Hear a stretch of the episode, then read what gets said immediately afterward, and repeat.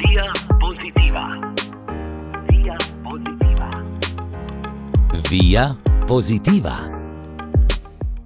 Dober dan, dragi poslušalke in cenjeni poslušalci. V tokratno oddajo smo povabili predsednika uprave Elektro Ljubljana, Aleksandra Zopančiča. Dober dan želimo.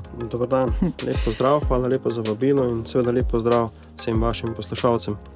Hvala vam, da ste si vzeli čas, verjetno vam ga primankuje, ker če se je pa kdaj veliko govorilo o energiji, se pa v zadnjem obdobju, v preteklosti so bili še kdaj takšni mejniki, ko smo bili res precej usmerjeni v to, kako bo z energijo, katera plast energije je najboljša, kaj izbrati od vseh možnosti.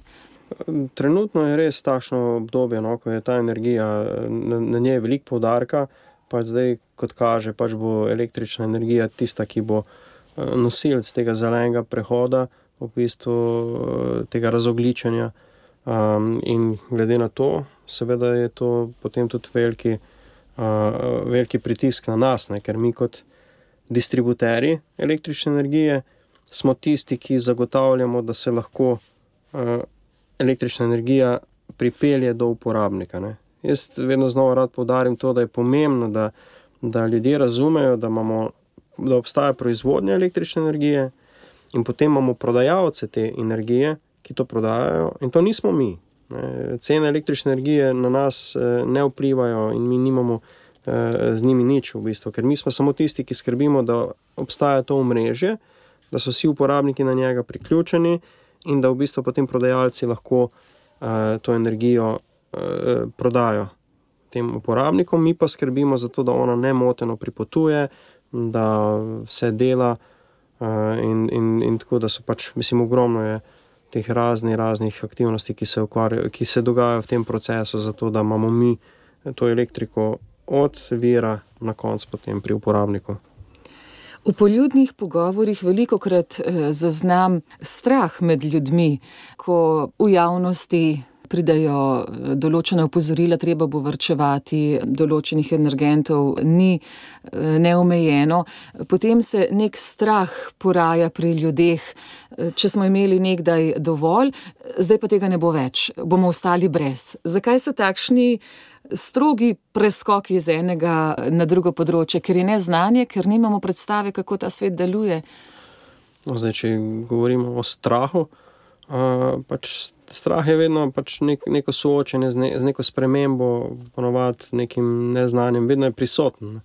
Uh, tudi sam se soočam z njim pač dnevno, ne? vedno, ko si v neki situaciji, kjer pač je strah je neka mislim, norma, naravna reakcija. Zato moramo pač čim več o tem govoriti, e, da to naslovimo, te strahove uh, in da jih v bistvu potem tudi. Uh, Na nek način tako uh, obvladamo, no? ker uh, pravijo, da ima strah velike oči. Uh, In to je resno, v bistvu ponovadi je večje. Sigurno je potrebno, da vrčujemo, ampak ne, ne, ne zaradi strahu, ampak zaradi tega, ker se zavedamo, da je to pomembno in da je res eh, potrebno v enem trenutku. Ne.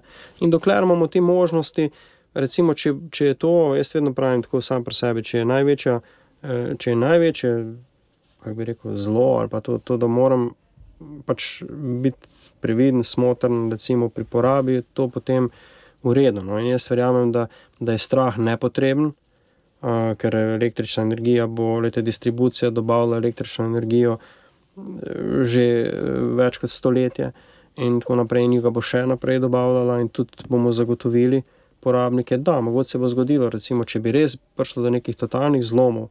Na svetovni ravni pa to se bo zgodilo, ne vem, da mogoče kakšno uro ne bo ki je elektrika ali kaj takega, ampak s tem ne bo konc sveta in v bistvu sigurno bo ta elektrika pršla in sigurno bomo poskrbeli, da, bojo, da bo življenje teklo kolikor toliko normalno naprej. Um, in to mislim, da je pomembno, da, da, da imamo tako nekje v, v zavesti. No, da, Da je prav, da vrčujemo, da je prav, da smo za tega, da ne pride do teh neželenih ne, okoliščin. Ker če bomo vsi pazili, v bistvu, pa če bomo res Tudi tle, kar ste nakazali, pač to, o čemer govorijo, so te razne, ne vem, morebitne, ne vem, uh, omejevanja, ki zaenkrat niso. Uh, mislim, nisem zasledil, da bi bila za gospodinstvo uh, predvidena, pa tako naprej. In, uh, ampak vsakem primeru, tudi če tega ni, je prav, da, da smo obzirni, da, da cenimo to. Ne? Elektrika ni nekaj samoumevnega, to je postala ena osnovna življenjska dobrina, glede na način, kako mi živimo danes. Ne? Včasih je bil človek osnovna življenjska dobrina voda, pa hrana, ampak na način, kako mi živimo danes. Ne? Je enostavno elektrika tudi ob boku temu, marsikdo sploh več ne bi znal niti eh, živeti brez elektrike. Uh, mislim, bi rabo kar velik, da bi se prilagodil. Ne? In da bi tako, tako da z tega vidika je prav potem tako kot z vodo, uh, moramo ravnati uh, varčno, pa skrbno, pa to je tudi na tem področju potrebno, da, smo, da se zavedamo, ne? da ta luč, pač, ki se nažge, pač to nekod pride, to je en dolg proces, uh, odkje to prihaja in da je to res ogromno ljudi vmes, ki dela za to, da, da to nemoteno deluje. Točno to. Vse, kar zdaj ustvarjava, je na nek način v pogonu zaradi električnega toka. Da. Je tu mikrofon, ki vaš glas ponese med poslušalce, ima razsvetljavo, ima računalniške programe, da vse to, kar poveste, ujame. Brez elektrike nam dejansko ni več živeti. Od trenutka, ko vstanemo, vse naše dejavnosti so tako ali drugače povezane z električno energijo. Ta popolna odvisnost, verjetno od tu ta strah. Bo treba kaj opustiti, kaj zmanjšati, bolj selektivno umeščati v svoj vsakdan. Tudi če bi imeli določene ure, ko vemo, zdaj imam čas, da vem, se uperem perilo, samo v tem obdobju imam čas, da skuham kosilo in tako naprej. Ampak vsakih sprememb se ljudje bojimo, čeprav lahko prinašajo velik dobrobit in velike pozitivnosti, ampak na takšen način, kot vi zdaj razlagate. To filozofijo, ta naš pristop do elektrike, to to laži, ko nam date konkretne odgovore, ko nam konkretno rišete možne scenarije. S temi se potem ljudje sprijaznimo in ne delamo nekih težav po nepotrebnem sebi in širše družbi. Morda je premalo teh jasnih obrazložitev možnih scenarijev, če bo recimo določene dobrine manj. Ja, seveda, mislim. S strahom se najlažje soočiš, seveda, z znanjem, s poznavanjem, uh -huh. z zavedanjem. Ne? Če nekaj veš, poznaš, potem te je tega manj strah, kot če je nekaj neznano. In um, to ste lepo uh, orisali in, in, in povedali. Jaz pač. Uh, se pravi, se pravi da, da, da je res no, strah, kot sem rekel, odveč tukaj.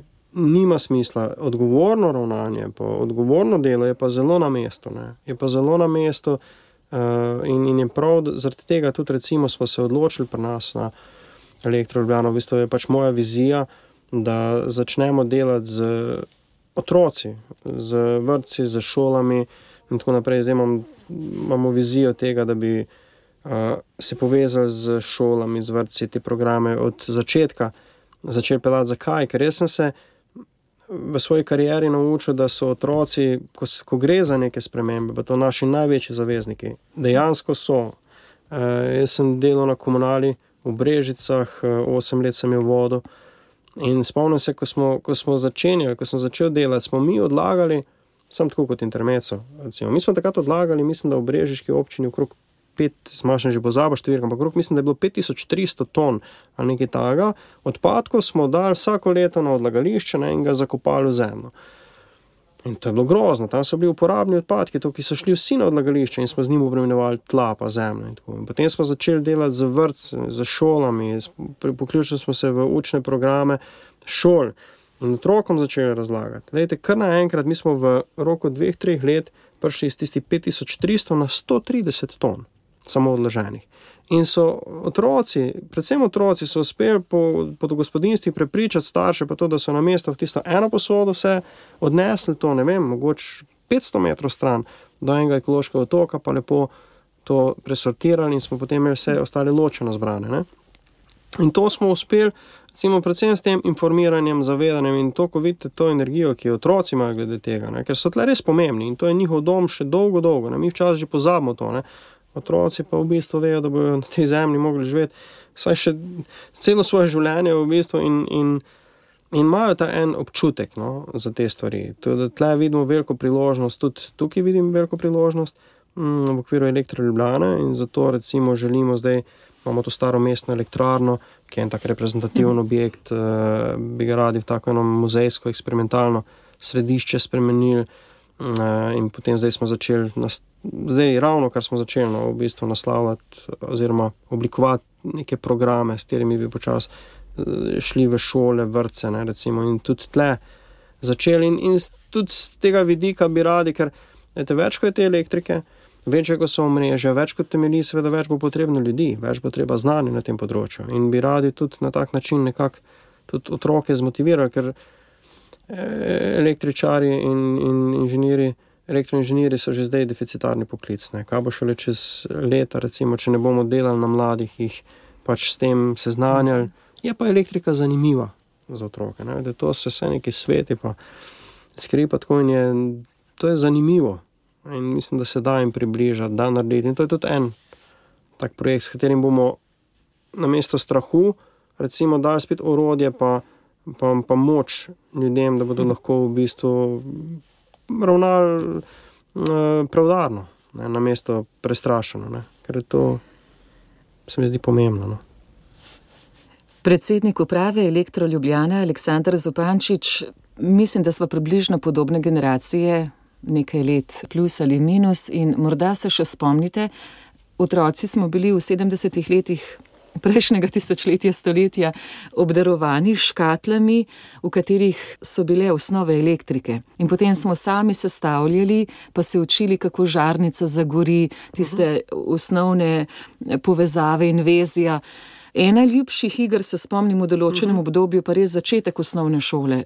Mislim, krasno, čudovit uvod v ta svet elektrike, v ta svet uh, svetlobe in ostalega, kar nam elektrika omogoča. Kot pravite, torej so že bila obdobja, ko so se tega zavedali, Da. potem smo se morda preprosto preveč eh, potopili v to, da kar je, da je vse na dosegu rok. Pa me zanima, kako konkretno sicer ste rekli, šele oblikujete te programe, s katerimi boste potem šli tudi v osnovne šole, pa uh, v vrtce že k najmlajšim. Bi morda te ideje povzemali kar preko otroških iger, igral?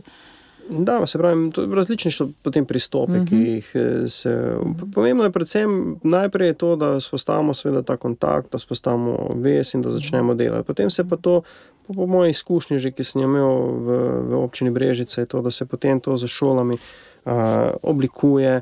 Uh, vidimo, kako se odzivajo, kaj je tisto, kar bolj deluje. Ampak to, kar ste povedali, je res ena tako čudovita. Ampak to so bili časi, ko elektrike, ko ni bila samoumevna. Morate vedeti, recimo, da so takrat ljudje sami kopali, uh, kopali kanale, pa tako naprej, zato da so dobili, da je prišla elektrika, recimo, in tako naprej. Marsikdo je ni imel, da roke elektrika je že bila, verjetno, ampak. Uh, So še bila bolj, verjetno območja, območja, o, verjetno, zagotovo, kjer, kakšno eh, gospodinstvo. Tako, ker ja. jih ni bilo. Jaz sem takrat bil premali, pa nimam, še, nimam mm. pravega stika s tem. Ampak vem pa, da smo kopali za telefone, recimo, mm. pa tako naprej. Ne. Vsaka stvar, ko je prihajala, je bila pomembna, ker je ni bilo. Ne. Zdaj imamo pa tega v obilju in seveda se ne zavedamo, da je to še vedno pomembno. Ne. In glede na naš način življenja, uh, toliko bolj. Uh, toliko bolj. In smo res od tega, kar na nek način postali odvisni, in si je težko predstavljati življenje brez elektrike dan danes. No. Vsaj takšno, kot je, ne mogoče. Budiva kar lahko zelo uporabna in konkretna. Eh, Sama sodim med tiste, eh, redno ugašam luči. Uh -huh. Delam prav ali narobe, kje trošimo elektriko po nepotrebnem. Pa mnogo je takih eh, stvari, kjer bi res lahko vrčevali, ker je pač tam ne potrebujemo. Mislim, to je, tle, ko sem prišel k vam na radio, sem šel na vece, pa sem videl na telefone, stikala, naprimer moško, uh -huh. ženski, vec, vsak, vsako lahko posebej uh -huh. nažgeš, ne, ni eno za, Ja. za vse in tako naprej. Tak, da, je, recimo, to sem tako, takoj opazil, sem rekel, aha, lej, nekako je lepo in gore sličica, ne, ne moreš uh, zgrešiti. Ne. Recimo je bila sličica moški, ženski in sem, nisem rabo obeh nažigati, ne. sem takoj vedel, kjer ga moram in sem sam tizga nažgal, nisem druga. Zdaj, mi smo vsi, vsak neko svojo kapljico, ne, uh, dodamo v to bazen, ampak vemo, iz česa more je narejeno, ne iz samih kapljic. In, in to je, se pravi, prva stvar, ki jo moramo začeti, je to, da se o tem pogovarjamo, pa da se zavedamo, da je to pomembno. In da smo pripravljeni en del pač nekega, mislim, to je lažni komfort, no, v bistvu to, da, da ne rabiš misliti, ne, da je neka tukaj samoumevna, ni, ker včasih so stvari, na katere paziš, so ti bistveno več vredne, v bistvu imaš nekako več od tega, tako kot človek. Ne. In se, jaz se zelo dobro počutim, recimo, če neko stvar delam tako, da vem, da prispevam k nečemu. Ne. um, da vem, da, da pač se obnašam, pa ne rečem, da se obnašam popolno ali kakorkoli. In se spomnim, ko smo delali pri nas, takrat so moji otroci mene popravljali. Ne? Pa sem bil pač direktor komunale, pa, sem, pa sem, to so me gledali kot. Kot policaji so bili, ne? kam si to, veš, pa rečem, pardon, ne, seveda, ne, veš, ne v tisti naglici, ko si poln vsega, Ja, ja. avtomatizmi in pol, po li- najkrajši poti In rešuješ. so zadevo, otroci ne. gledali pod prste, Otroci so kako pa, smo. Ja, ker tle oni pridejo v bistvu tudi do nekega svojega eh, položaja, oni tle pridejo do tega, da kar naenkrat so oni tisti, ki lahko naučijo uh, starejše. Ne. In tle se mi zdi, da je. eh, Tle je velika priložnost, sploh s temi raznimi pametnimi rešitvami, pa tako naprej, ker mi d- delamo ogromno na digitalizaciji, na pametnih števcih. ne. Če, ste včasih, če se je včasih odmerili, ne vem, je, bila, je bilo očitavanje enkrat mesečno, ne. zdaj bo možno, ne vem, cilj je, da bo lahko minutno, ne, oziroma takoj bodo informacije tekle od števca do sistema in nazaj. Ne, in, in, tem, in temu se bodo tudi prilagajali razne, razni produkti, razne to možnosti, ne vem, porabe. Če si včasih imel po noč, uh, si prav, recimo, za tega, ker je bil cenejši tok, bo zdaj bo to možno tudi verjetno po urah, ne, mogoče celo po minutah.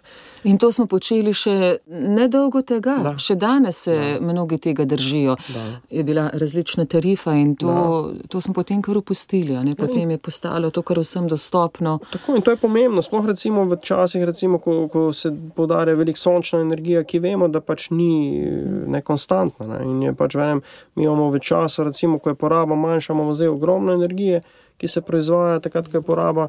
Je pa ni, ne, ker sonce po noči ne sveti, ne, ko je treba tudi hiše ogrevati, pa tako naprej. Najbolj temperature padajo po zimi, ne. ni sonca, ni nič. Ne, in je, In zato bo še tu bolj pomembno, da bomo lahko znali recimo to porabo preusmeriti, ne? da bomo znali preusmeriti v tiste časovne intervale, ko je ta poraba manjša, s tem znižujemo konice, mm, pritiske na omrežje. Ko to delamo, v bistvu pomagamo, da ni potrebno potem dimenzionirati omrežja tako močno, ne? ker omrežje se vedno dimenzionira, uh, gradi, ne, debeline, preseke in tako naprej, kako robustno, kako ogromno, veliko mora biti, ker veliko mreže pomeni dražje omrežje, pomeni, pomeni dražje vzdrževanje, pomeni dražje omrežnino in vedno moramo biti optimalni. Ne. In zdaj, če so te konice manjše, ne, potem so ti preseki. Poskušam biti čim bolj eh, preprost. Vsem ne, razumemo. eh, Če so potrebe previsoke, potem boste seveda se širili. Je treba ja, imeti, treba zadostiti. Če imaš, tak, če imaš prometa, ne vem, če imaš 500 avto ali pa 100 avto, je različno število pasov, recimo, ne, treba na, na neki cesti. Ne. In to pomeni tudi bistveno manjše vzdrževanje, bistveno manjše eh, to in tudi strošek, ki je povezan s tem. Ne. In, in zato je to pomembno, to mi vsi prispevamo k temu. Predvsem pa tudi uh, to zavedanje. No? Jaz mislim, da to nas dela močnejše. To takrat, ko imamo nek, ko prispevamo in tle so otroci, recimo, so oni, oni čutijo to zelo močno, ne? ta, ta prispevek, oni so radi koristni, radi to. In to včasih pozabimo. No? Tako, ljudje, ko se nam preveč mudi, ko smo tukaj zatopljeni v ene stvari, v take male zadeve, ki so pa tudi zelo pomembne. Ne? Za vse nas. Pa mi smo že ujeti v nek scenarij, ki si ga izoblikujemo in iz tega potem Tako. težko izstopimo. Navada je železna srca. Ja, mladi so pa še pregon. odprti, njihov scenarij se pa šele gradi, ustvarja in nimajo tolikšnih težav sprejemati uh, spremembe, se čemu odreči v korist Da. čemu drugemu. No, to je treba res imeti v zavesti in mladim dati večji in močnejši glas ali pa sploh priložnost. Gospod Aleksandr Zupančič, predsednik uprave Elektro Ljubljana ste, zdi se mi res pomembno, ker poslušalci ali poslušalstvo to vrstnih oddaj je zelo široko, od mladih uh -huh. do tistih, ki imamo že te železne navade. Veliko krat opazim tudi sama, kako po nepotrebnem so stvari prižgane, pa puščamo stvari v tičnicah, skratka, stvari se kar polnijo, čeprav so že polne, pa so še vedno priklopljene. Kje delamo še te osnovne napake, če smo se že zaustavili pri tem, da imamo včasih po nepotrebnem razsvetljeno luči, kar gorijo, pa morda nikogar ni v prostoru. To, te, te razne prižgane eh, stvari, to, kar ste govorili, te vključeni, ne vem, telefoni, ki se še kar polnijo, ko so že polni in tako naprej. To, to je v bistvu vse z več vidikov. Ne? Eno je seveda poraba električne, drugo je tudi z uničevanjem teh naprav ne? in, in z slabšanjem, pa tudi recimo z raznimi. Jaz sem enkrat delal meritve, recimo, ne, kakšno je teh sevanj, pa to ne. Vse to, zdaj, niso tako veliki vplivi. Ne. Ampak konec koncev, recimo, je zelo zanimivo kot za uporabnike vedeti, da adapter, ki je vključen ne, v vtičnico, ne, oddaja določeno sevanje. Ne. In recimo, če imaš to pri glavi v, v, v spalnici, ne, jaz sem s tem metrom, ki, ki meri to uh, elektromagnetno sevanje, eh, meril to. Naprimer. In je bilo fascinantno, da ko odklopiš se sevanje, bistveno zmanjša, ne. ga skoraj ni. Ne. Medtem ko imaš vklopljeno, pa obstaja neko sevanje. In če imaš to blizu, recimo, glave, že z tega vidika ni zdravo. Ne?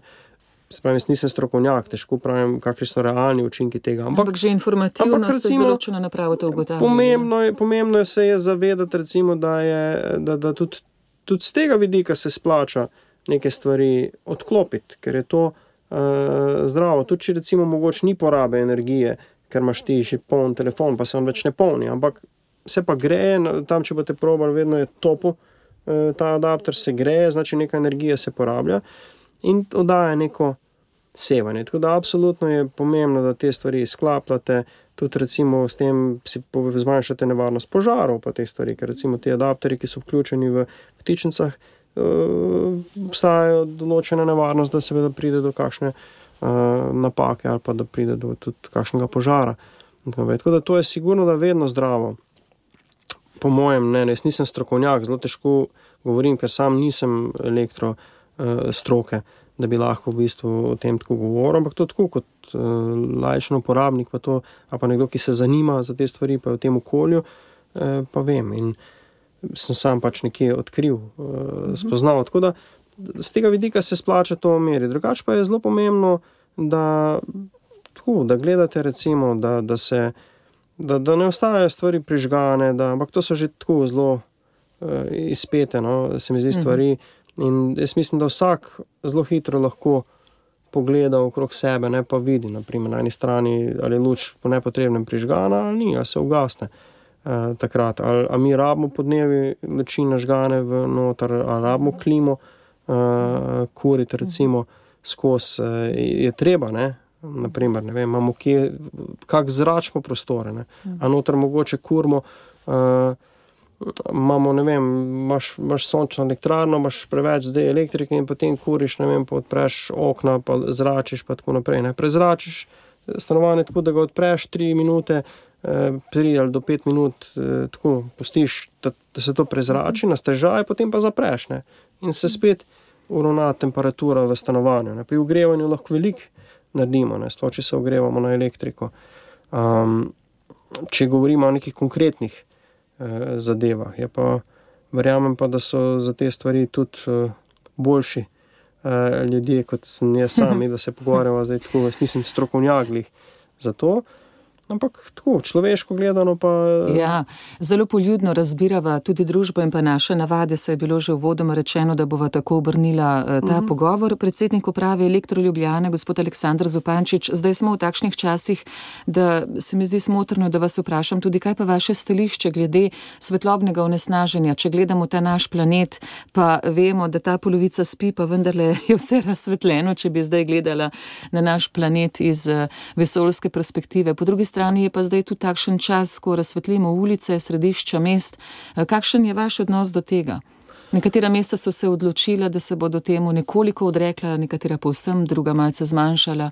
No, jaz sem predvsem vesel to, da se vedno bolj zdaj dela to, da se usmerja. Recimo včasih so bile te luči take, da so svetle v nebo, nebo zdaj se ja. pač uh, usmerja, da svetijo dol, tudi to so zdaj varčne, uh, varčnejše luči. Predvsem je pomembno, da res skrbimo za to, da dajemo varčnejšo porabo, da je smotrna tam, kjer je res potrebno. Tega, da v enih delih je, e, če imaš, ne vem, če hodiš po noči od zunaj, pa to je fajn, da je osvetljeno, ne? ker pač s tem se tudi zmanjšuje, zelo če so kakšna bolj naseljena področja, pa tako naprej, je tudi večji občutek varnosti, manjša nevarnost e, kakšnih drugih dogodkov. Tako da to vse je treba tehtati ne? E, in gledati med sabo. Sigurno pa verjetno so območja, kjer je pa nepotrebno. Eh, da se to in zdaj včasih smo s tem delali, verjetno bolj razsipno, in vse te stvari se bodo, eh, predvidevam, racionalizirale. No. Vse te stvari se bodo obrnile eh, s časom. Jaz to, jaz to verjamem, da bo tako, ker ljudje se vedno prilagodimo na konc koncev in zdaj nas bojo. okoliščine nas Tudi če nekaj bolj. časa zelo na glas kričimo, Ja, nam ne, ne preostane drugega, kot da se uh, prilagodiš. Ponovadi je tako, da se, če se le da, se izognemo, se, se spremembam pač upiramo, pa se jim izognemo. Ne. Ampak na koncu pa, lejte, če je. Jaz pomembno je samo to, da, da imajo ljudje dovolj informacij, da razumejo, zakaj je to pomembno. Jaz imam zelo pozitivne izkušnje s tem. Jaz nimam tega, nikoli nisem imel, pa veliko delam z ljudmi. Delal sem uh, na več področjih, recimo res z ljudmi, to je nekako me spremlja celo življenje. Um, delo z ljudmi in tako za uporabniki, ampak vedno se da. Bodi si ali so to zaposleni ali to ono. Jaz mislim, da če, če realno poveš, če predstaviš to in če dosti v bistvu realno te stvari predstaviš, ljudje razumejo in, in mislim, da ni problem. Da se to da, sam treba je pa res te informacije prenesti. In to je največja umetnost. V poplavi vseh teh informacij, kjer različni interesi, naprimer, ne, eh, informacije oblikujejo v svojo prid zaradi neke svoje lastne koristi. Ne, eh, to pravo informacijo prenesti ljudem, to je največji problem. No. In to tle nas čaka veliki izziv. Zato se mi zdi še tukaj bolj pomembno sodelovanje z otroci, vrtci, pa tudi eh, recimo podjetja, kot smo mi, si moramo pridobiti zaupanje naših uporabnikov. Toliko bolj družbeno odgovorni ste. Seveda, ker in, in se moramo tudi tako obnašati. Ne. Jaz vem, da recimo pri nas zdaj intenzivno delamo na tem, da postanemo kot elektroljubljana res uporabniku prijazna družba. Ne, da, ker ta elektrika tako, nekako se mi zdi, da včasih ne, veš, si bil ves vesel, ne, da, je, da si dugo elektriko in tako naprej. In to pač si, si mogel prosti, čakal. Zdaj so drugačni časi. In mi se trudimo, recimo, res na elektroljubljana. Zdaj v zadnjem, pač v zadnjem letu delamo intenzivno na tem, zdaj smo skrajšali te čakalne dobe, recimo za soglasja. Za sončne elektrarne je izjemno, ne. Jaz ne vem, par mesecev na 14 dni, tako da nekdo v 14 dneh dobi, da, da vse te ovire odstranimo, recimo, da smo res kot servis eh, našim uporabnikom. In to je neka tudi vizija, ki mislim, da je zelo pomembna pri tem, če hočemo, da nam bodo uporabniki tudi zaupali, eh, pa bojo pač videli v nas enega kredibilnega partnerja. Tam imamo eno veliko priložnost in moj cilj je pač seveda, da tudi zdaj smo na tem področju naredili res ogromne premike na področju teh sončnih elektrarn, pa soglasje, ker to je bilo noro. To so bile takšne poplave, da mi smo dobivali po 900 vlog mesečno, ki jih potem po upravnem postopku rešujemo. To, to je bila poplava, v enem trenutku smo imeli že pet mesecev, uh, za pet mesecev vlog za ostanke in potem smo se reorganizirali, to, tudi te stvari digitalizirali, pa neke rešitve iskali. Tako da smo zdaj prišli na 14, da smo obvladali to, da dobi človek v normalnem času to, ta odgovor. In, uh, ali lahko, ali ne more, ali kaj bi bilo potrebno. ne. Um, tako da tle vidim tudi eno veliko priložnost. in Se mi zdi, da moramo vse distribucije na tak način ne, ravnati. Ne samo tehnični del, pa, pa te, ker to je, to je zelo dobro. Mi moramo razumeti, da je slovensko omrežje zelo kvalitetno in da je to zelo dobro omrežje. In da distribucije delajo dobro delo v tem področju. Mi imamo eno najboljših omrežij v svetu, po, po, po kazalnikih zanesljivosti oskrbe. tako naprej. In, in to, je, to je dobra informacija, ni to slabo omrežje. Ne? Je pa res, da je bilo zgrajeno zato, da se elektrika pripelje od proizvodnje na konc do uporabnika. Ni bilo zgrajeno zato, da se zdaj proizvodnja seli k uporabnikom. Ne, in da tam proizvajamo sončno, eh, sončne elektrarne energijo in jih pošiljamo nazaj v sistem. Zato ni bilo, ker so tam najtanjše, najtanjši kabli in tako naprej. Tam ni za velike, tam je za porabo eh, hiše narejeno, ne za proizvodnjo. In tle prihaja do težav, in zato recimo nekje ne moremo priklapljati enostavno, ker je mreže bilo narejeno, da gre iz vira, iz vira k, k Porabniku. porabniku. ne. In tukaj se soočamo z temi izzivi, in tudi tle bomo morali biti. Mislim, da je zelo pomembno, da uporabniki, a, da, da poslušalci razumejo, da je a, recimo, vem, prava samoskrba je samoskrba, kjer a, imaš pač, če želiš to imeti, imaš sončno elektrarno in svojo baterijo, ne, hranilnik, kjer shranjuješ to. Nekaj porabljaš tekoče, kar ne shraniš v, energijo, v hranilnik in potem porabljaš. Ne. To, da pošiljamo nazaj v mreže, v bistvu to elektriko ne, in potem v mreže uporabljamo kot hranilnik, ker hranimo to energijo, to je problem. Ne, ker na koncu konca, če bi mi želeli v bistvu zdaj, to je tako, kot da bi gradili Mislim, to moraš imeti bistveno močnejše omrežje potem do vsakega uporabnika. To je tako, da bi priključek na avtocesto zdaj gradil skoraj do vsake hiše. Ne. To pomeni tudi veliko stroškov in bomo tle mogli biti na dolgi rok racionalni. In mislim tudi, da grejo v te smer, v bistvu eh, tudi politike, tudi odločitve vlade in tako naprej grejo v to smer, da bojo se vedno bolj stimulirale te prave samozkrbe. E, to so samozkrbe s hranilnikom, medtem ko mreže je pa tisto, ki ti zagotavlja takrat, ko pač te elektrike več nimaš. Ne.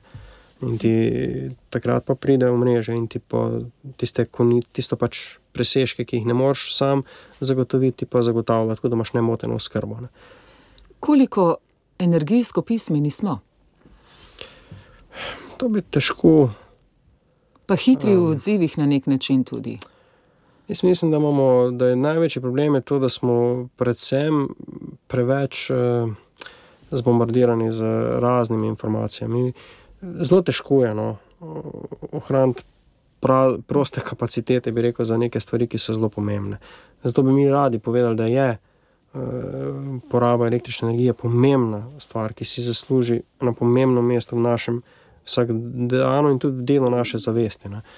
Ker dan danes, ko imaš ti, recimo, kot ti telefon vsak, vsake par sekund, neki brni, pa to sporočilo, uno sporočilo, to vse prihaja, to je ogromno obremenitev. Ne. Jaz, recimo, zdaj na poti v službo, včasih rečem, jaz na poti v službo naredim tu, ko sem včasih v, po, kakšno je to obremenitev. Ne. Naprimer, se peljem eno uro, imam do službe in to je na poti toliko informacij, že, naprimer, da sploh prideš, da sploh začneš delati. Včasih jih v enem dnevu ni bilo toliko, da celo v tednu dni. Da, in to je problem. Z tega vidika, recimo, to se mi zdi večji problem, ker nam to onemogoča. Zato je res zelo pomembno, da si to, je, to nima veze z elektriko, ampak to je čisto tako življenjsko. Ampak recimo, jaz zelo skrbim, da omejujem eh, vse vire. Eh, informacije v bistvu in da res se informiram samo z izbranih virov, in da jaz odločam, kdaj bom uh, to pogledu prebiral, ne pa da bi bil. Uh, samo bi, sprejemnik. Da bi bil sam sprejemnik, v bistvu preko katerega se pač te informacije uh, kanalizirajo. Ko vas že tako zelo poljudno in nasplošno sprašujem, gospod Aleksandr Zupančič, predsednik uprave Elektro Ljubljana, kaj pa ta menjava ur? Ima to sploh še smisel? Zdaj se pa že kar nekaj časa sprašujemo, zakaj krajšati dneve, podaljševati noči. Ali ni bilo takrat pred desetletji ravno eh, namen predstavljanja ure v tem, da bi služila dnevna svetloba čim dlje človeku sodobne civilizacije, ki je rad buden ja, tako, in zavleče dan v noč. Takrat je bilo, mislim, to, kolikor pač vem, nisem, ampak enkrat sem bral nekaj o tem in tako ja, naprej, vem, da, je bil, da, je bil, da je bil to namen. Ne, Ta debata je že večkrat potekala, v bistvu, ali se za ta ura še menjava, se dela ali se ne dela. Potem je bil, mislim, da največji problem, uh, zdaj, kjer čas bi potem uh -huh. ostal. Uh -huh. pa, to je velik držav, velik tega, zdaj to se zmeniti med sabo je včasih kar izjemno. So kulturne razlike, so tudi da. različni pasovi. Mislim, da je to podnebni. zgolj navada postala. Zdaj ne vem, kaj, iskreno povem, da nimam uh, pred očmi zdaj podatkov, tako ne spomnim se, da bi imel natančne podatke, kolikšen je doprinos tega, oziroma -huh. ali je. Uh -huh. Sploh kakšen menjavi urja. Da, ne, ker recimo zdaj več ni, ni, glavna, ni glavni vir porabe. Recimo žarnice ali, ali tako naprej, ampak so razni porabniki, ki se odzivajo, ne vem, bodi si na temperaturo, bodi si na vse druge stvari. Ne. Mi smo že davno, davno presegli to osnovno porabo, ker je pač elektrika služila, zato si imel luč v hiši in da si imel, ne vem, da je radio igral, pa da je. Ne. Mi imamo danes v bistvu praktično vse uh, vitalne funkcije v bistvu povezane z ogrevanjem, hlajenjem, pripravo hrane. Uh, vse imamo vezano na elektriko. Ja, če elektrike ni, da. obstanemo, sploh ne vemo, kaj sami. Ja, takrat, ko so delali to, se je kuhalo, mogoče ne, marsikje na drva, ogrevalo na drva. Tako, Zdaj se pa to dela vse na elektriko.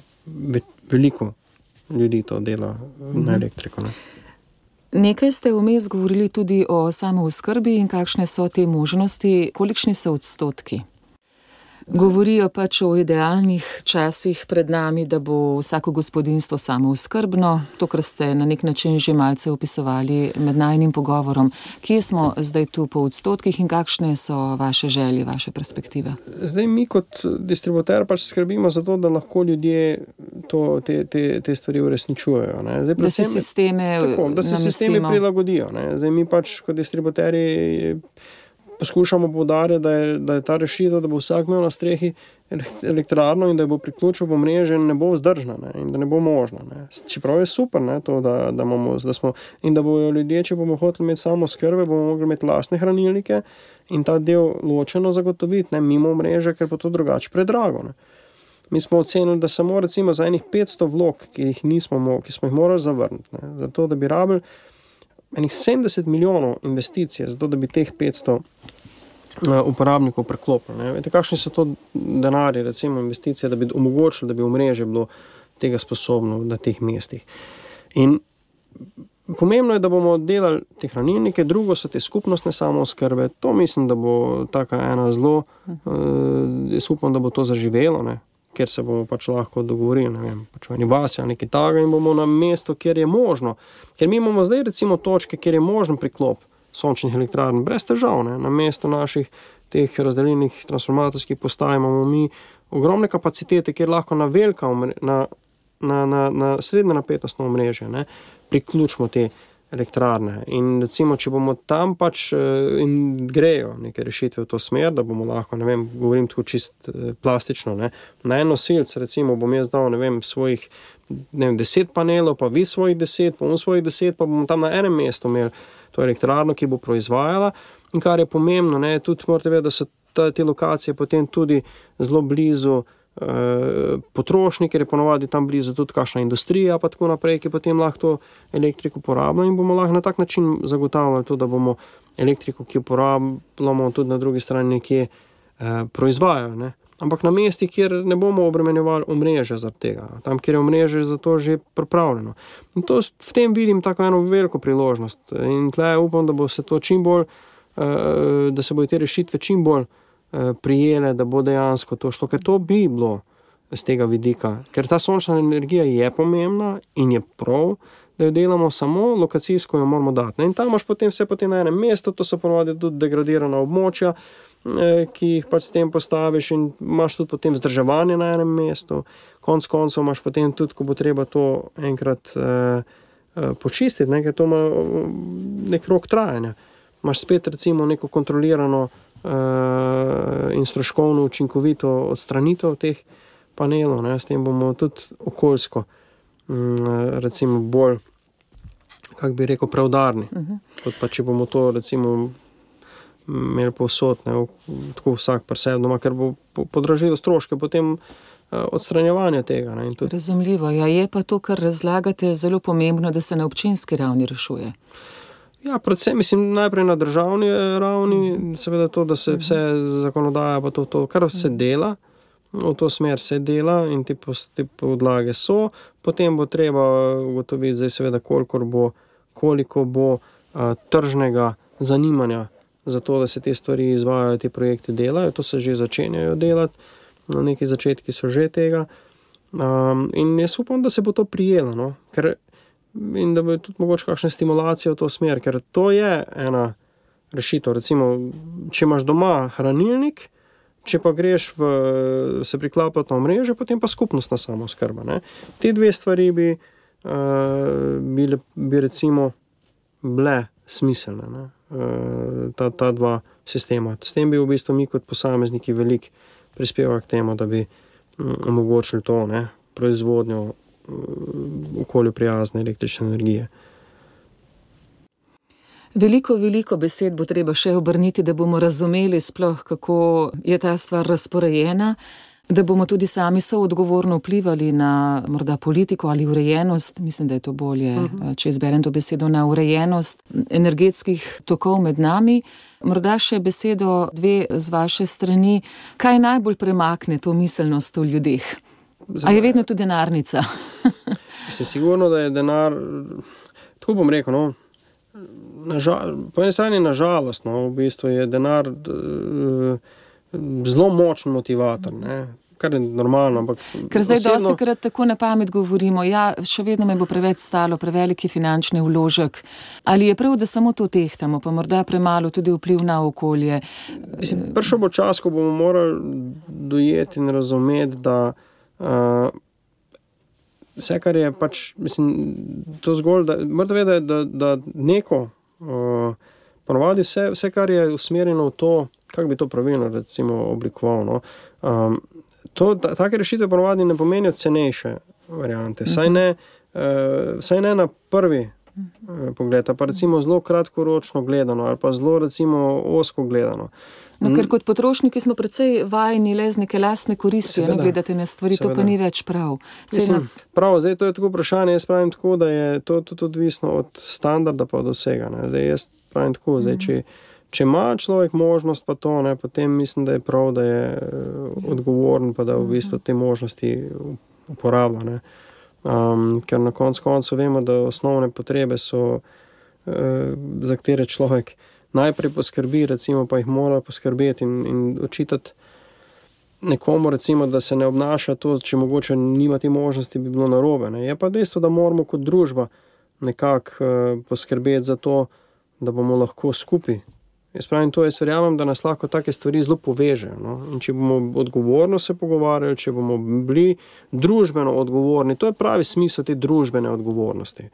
Mislim, da moramo biti le res zelo previdni. No? In denar ima učinek. E, mi na koncu koncev, zakaj? Ker jaz vedno pravim, da denar je neka življenjska energija, ki jo e, ti prodajaš, recimo, službo denar, gremo v službo, delamo 8 ur, delaš, da dobiš nek denar in logično je, da z njim eh, varčno delaš in prav je tako, ne? in da si skrben. To. In jaz čisto razumem uporabnika, da on razmišlja na tak način. Seveda pa se moramo tudi vprašati za druge stvari. Zato je pomembno, da si pridobimo zaupanje. Ker jaz pa vem, da ljudje so pripravljeni eh, investirati eh, v neke stvari, če vejo, da so to res pomembne stvari, da je to dobra stvar in da s tem res nekaj doprinesejo za svoje življenje, za življenje svojih otrok in tako naprej. In mi bomo morali v neke stvari sigurno iti. Moramo vedeti, da najcenejše ni najboljše. Vedno, ne? In da do neke mere, recimo, leta narava se odziva tako, kot se.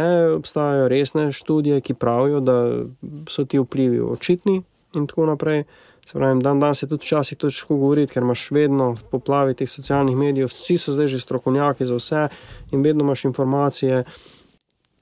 Take in drugačne, eni rečejo, da vse skupaj ni res, da je to brez veze. Zdaj, jaz mislim, da ima učinek. To, če mi vsi kurimo avtomobile, pa jih žgemo, pa če se poleti lepo imamo noter, klimo, pa to dela 15 minut na mesto, da to ne snažuje okolje, ki tam od zadaj, če greš, ki spuhu, ni prijetno. Ne? In to gre To je tako, ta pljuča, ne, narava ima tudi svoje pljuča, zemlja ima svoje pljuča in mislim, da s tem jih umažemo. In če se, zato, če se obzirno obnašamo in če poskrbimo, da, da na čim bolj eh, primerne, pa recimo tako okolju prijazne načine pridobivamo te vire, je to zelo pomembno. In vsak lahko nek svoj soprispevek naredi v tem. In tleh mislim, da, je, da, da bo to pomembno, da komunicirajo tudi, uh, tudi recimo, tisti, ki odločajo o tem, da bodo komunicirali to na tak način, da bo to naš en skupni projekt, kjer bomo vsi so prispevali k temu, ne, po svojih možnostih, uh, k temu, da bomo.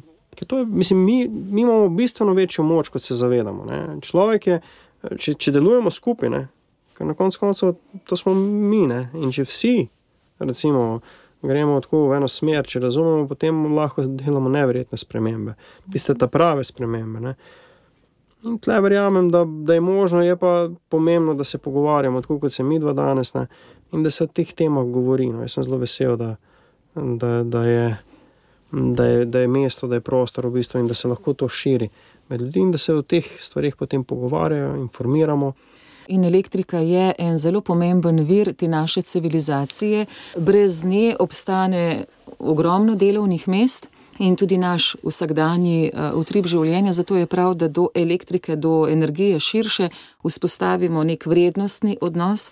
To je bistvo tokrat najnega pogovora, zato če lahko strnjeno še ob sklepu apelirate na slehrnega posameznika, da morda primisli, kolikšna je njegova poraba, kje bi lahko kaj doprinesel, kakšne ima možnosti. Vemo, da rešitev je veliko, so tudi določene enote, ki namesto nas zelo optimalno razporedijo to porabo v posameznem gospodinstvu. Veliko je idej, veliko je inovacij, ki pa žal ljudem niso na pravi način ne razložene, ne pojasnjene. Nismo pa ljudje strokovnjaki, vsak je zelo specifičen v nekem svojem področju, širših predstav pa res nimamo. Zato ob sklepu nek vaš apel, gospod Aleksandr Zopan, Zupančič, predsednik uprave Elektro Ljubljana, kje pa lahko kot posameznik vendarle nekaj naredim ali vsaj začnem misliti v tej smeri? Mi ne prodajamo elektrike. Ne. Elektrodistribucijska podjetja so tista, ki samo skrbijo za to, da, da skrbijo za omrežje, po katerem lahko prodajalci potem to električno energijo prodajajo uporabnikom. Tako da cene električne, mi s tem nimamo nič. V bistvu. Naš del na položnici je omrežnina, to je tisti del, pač, ki gre Za nam, vzdrževanje. za vzdrževanje omrežja. Prodajalci so pa tisti, prodajalci električne energije so pa druga podjetja, ki v bistvu, to je tisti, s katerimi imate pogodbo potem o, proda, o dobavi električne energije, -huh. oni so pa tisti, ki uh -huh. v bistvu to elekt- elektriko prodajajo. To se mi zdi, da je pomembno, da ljudje res razumejo. -huh. Distribucija, mi smo tisti, ki skrbimo za to, da to omrežje laufa, pa da elektrika nemoteno teče. Ostale stvari so v rokah drugih, proizvodnja, prodaja. Mi, mi, mi tega nimamo in tudi tega nič nikoli nimamo. Potem je pa sploh ključno, da so to v sklepu znova poudarili. Tako, to je zelo pomembno, zato sem tako vesel, da je tudi to, recimo, poslušalci, da to nam je pomembno, da razumejo, ker doskrat prihaja napačno vprašanje, zdaj kaj bo zdaj, ko je šla cena elektrike gor, kako, lejte, mi od tega nimamo nič, mi v bistvu moramo, mi imamo svojo ceno določeno sklado z omrežninami, ki je vezana na velikost omrežja in deja, storitve, ki jih delamo za omrežje in to je to. Uh, kar se tiče pa tega, je tako, jaz pravim, vsak posameznik mora delati, začeti pri sebi. Jaz vedno to po sebi sklepam. Mi v distribuciji bomo se na to usmerili, tako kot sem rekel, tako da bomo začeli delati z otroci, z tem, ker tem verjamemo, da, da so tisti, ki prinašajo v gospodinstva informacije. In tako naprej, ki so tudi za nove rešitve, za nove tehnologije, to, o čemer bomo bolj dovzetni, bolj to kot odrasli. In tudi, seveda, odrasli bomo komunicirali to preko raznih kanalov. To bomo mi naredili. Naše, naše poslanstvo zdaj v naslednjih letih bo sigurno res čim bolj osvestiti, ozavestiti recimo naše uporabnike. Da jih informiramo, da vejo, da imajo informacije in da se lahko odločajo. Ker če nimaš od- informacij, se ne moreš odločiti. Uporabniki pa jaz imam zaupanje, jaz imam zaupanje v, v, v ljudi, v uporabnike. eh, In jaz verjamem, da človek, ki ve, ki se zaveda, se bo eh, večina, govorim, se bo racionalno obnašala in bo tudi eh, se temu odzvala. Jaz tako kar prevzamem, prevzemam en veliki del odgovornosti na nas.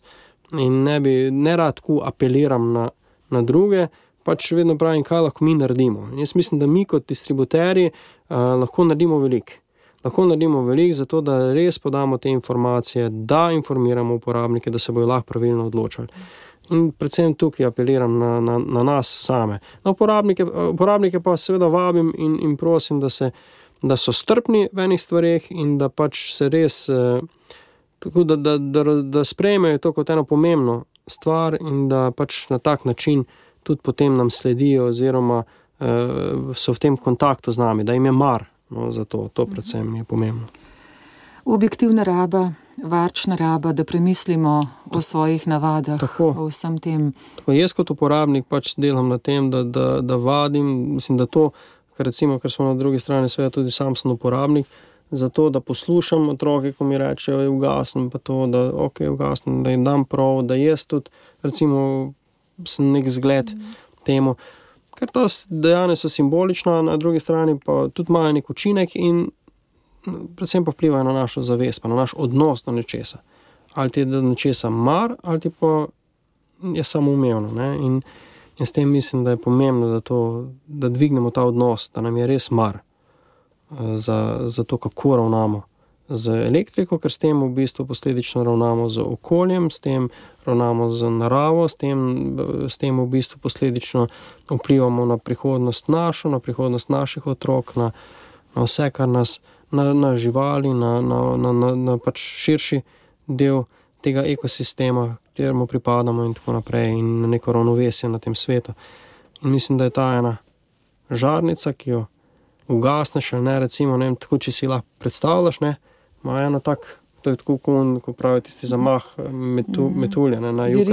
učinek. Povzroča neko sprem, ne, nek, nek vihar nekje drugje. Ne. Tako tudi jaz rad sebe predstavljam, tako, da smo tik, ko nekaj naredimo, neko dejanje, s tem ustvarjamo eno pozitivno uh, spremembo, en tak val, in val, ki potem se širi. O elektriki je tekla beseda. Eh, hvala za nekaj zelo dobrih pojasnil, predvsem v spodbudo našim poslušalkam in poslušalcem, da bi bili bolj na mestu, no, ko smo uporabniki, da bi se vendarle bolj zanimali z vaše strani, pa tudi hvala, ker kot sogovorniki rečete, pridem bom pojasnil te stvari, vam so samo po sebi umevne, eh, mnogi pa moramo šele vstopati, eh, zdaj, ko si govorijo o teh energetskih izzivih in je prav, da tudi premislimo, kakšna je pa naša raba in kaj morda lahko prispevamo k temu, da bo nam in pa prihodnjim rodovom bolje. Hvala za zelo poljuden poljuden pogovor in vam želim uspešno delo, da bi udejanili vse te ideje, ki jih imate pred seboj, vzgoja mladega eh, rodu, kakšna je prava raba električne energije in kakšne so spremembe pred nami, ki jih je modro uvesti, zato da bo tudi družba bolj v sožitju sobivala. Gostili smo predsednika uprave Elektro Ljubljana, Aleksandra Zopančiča. Uspešno. Hvala lepa tudi vam za vabilo, za ta prijeten pogovor in seveda lep pozdrav vsem vašim poslušalcem. Lep dan. Via positiva. Via positiva. Via positiva.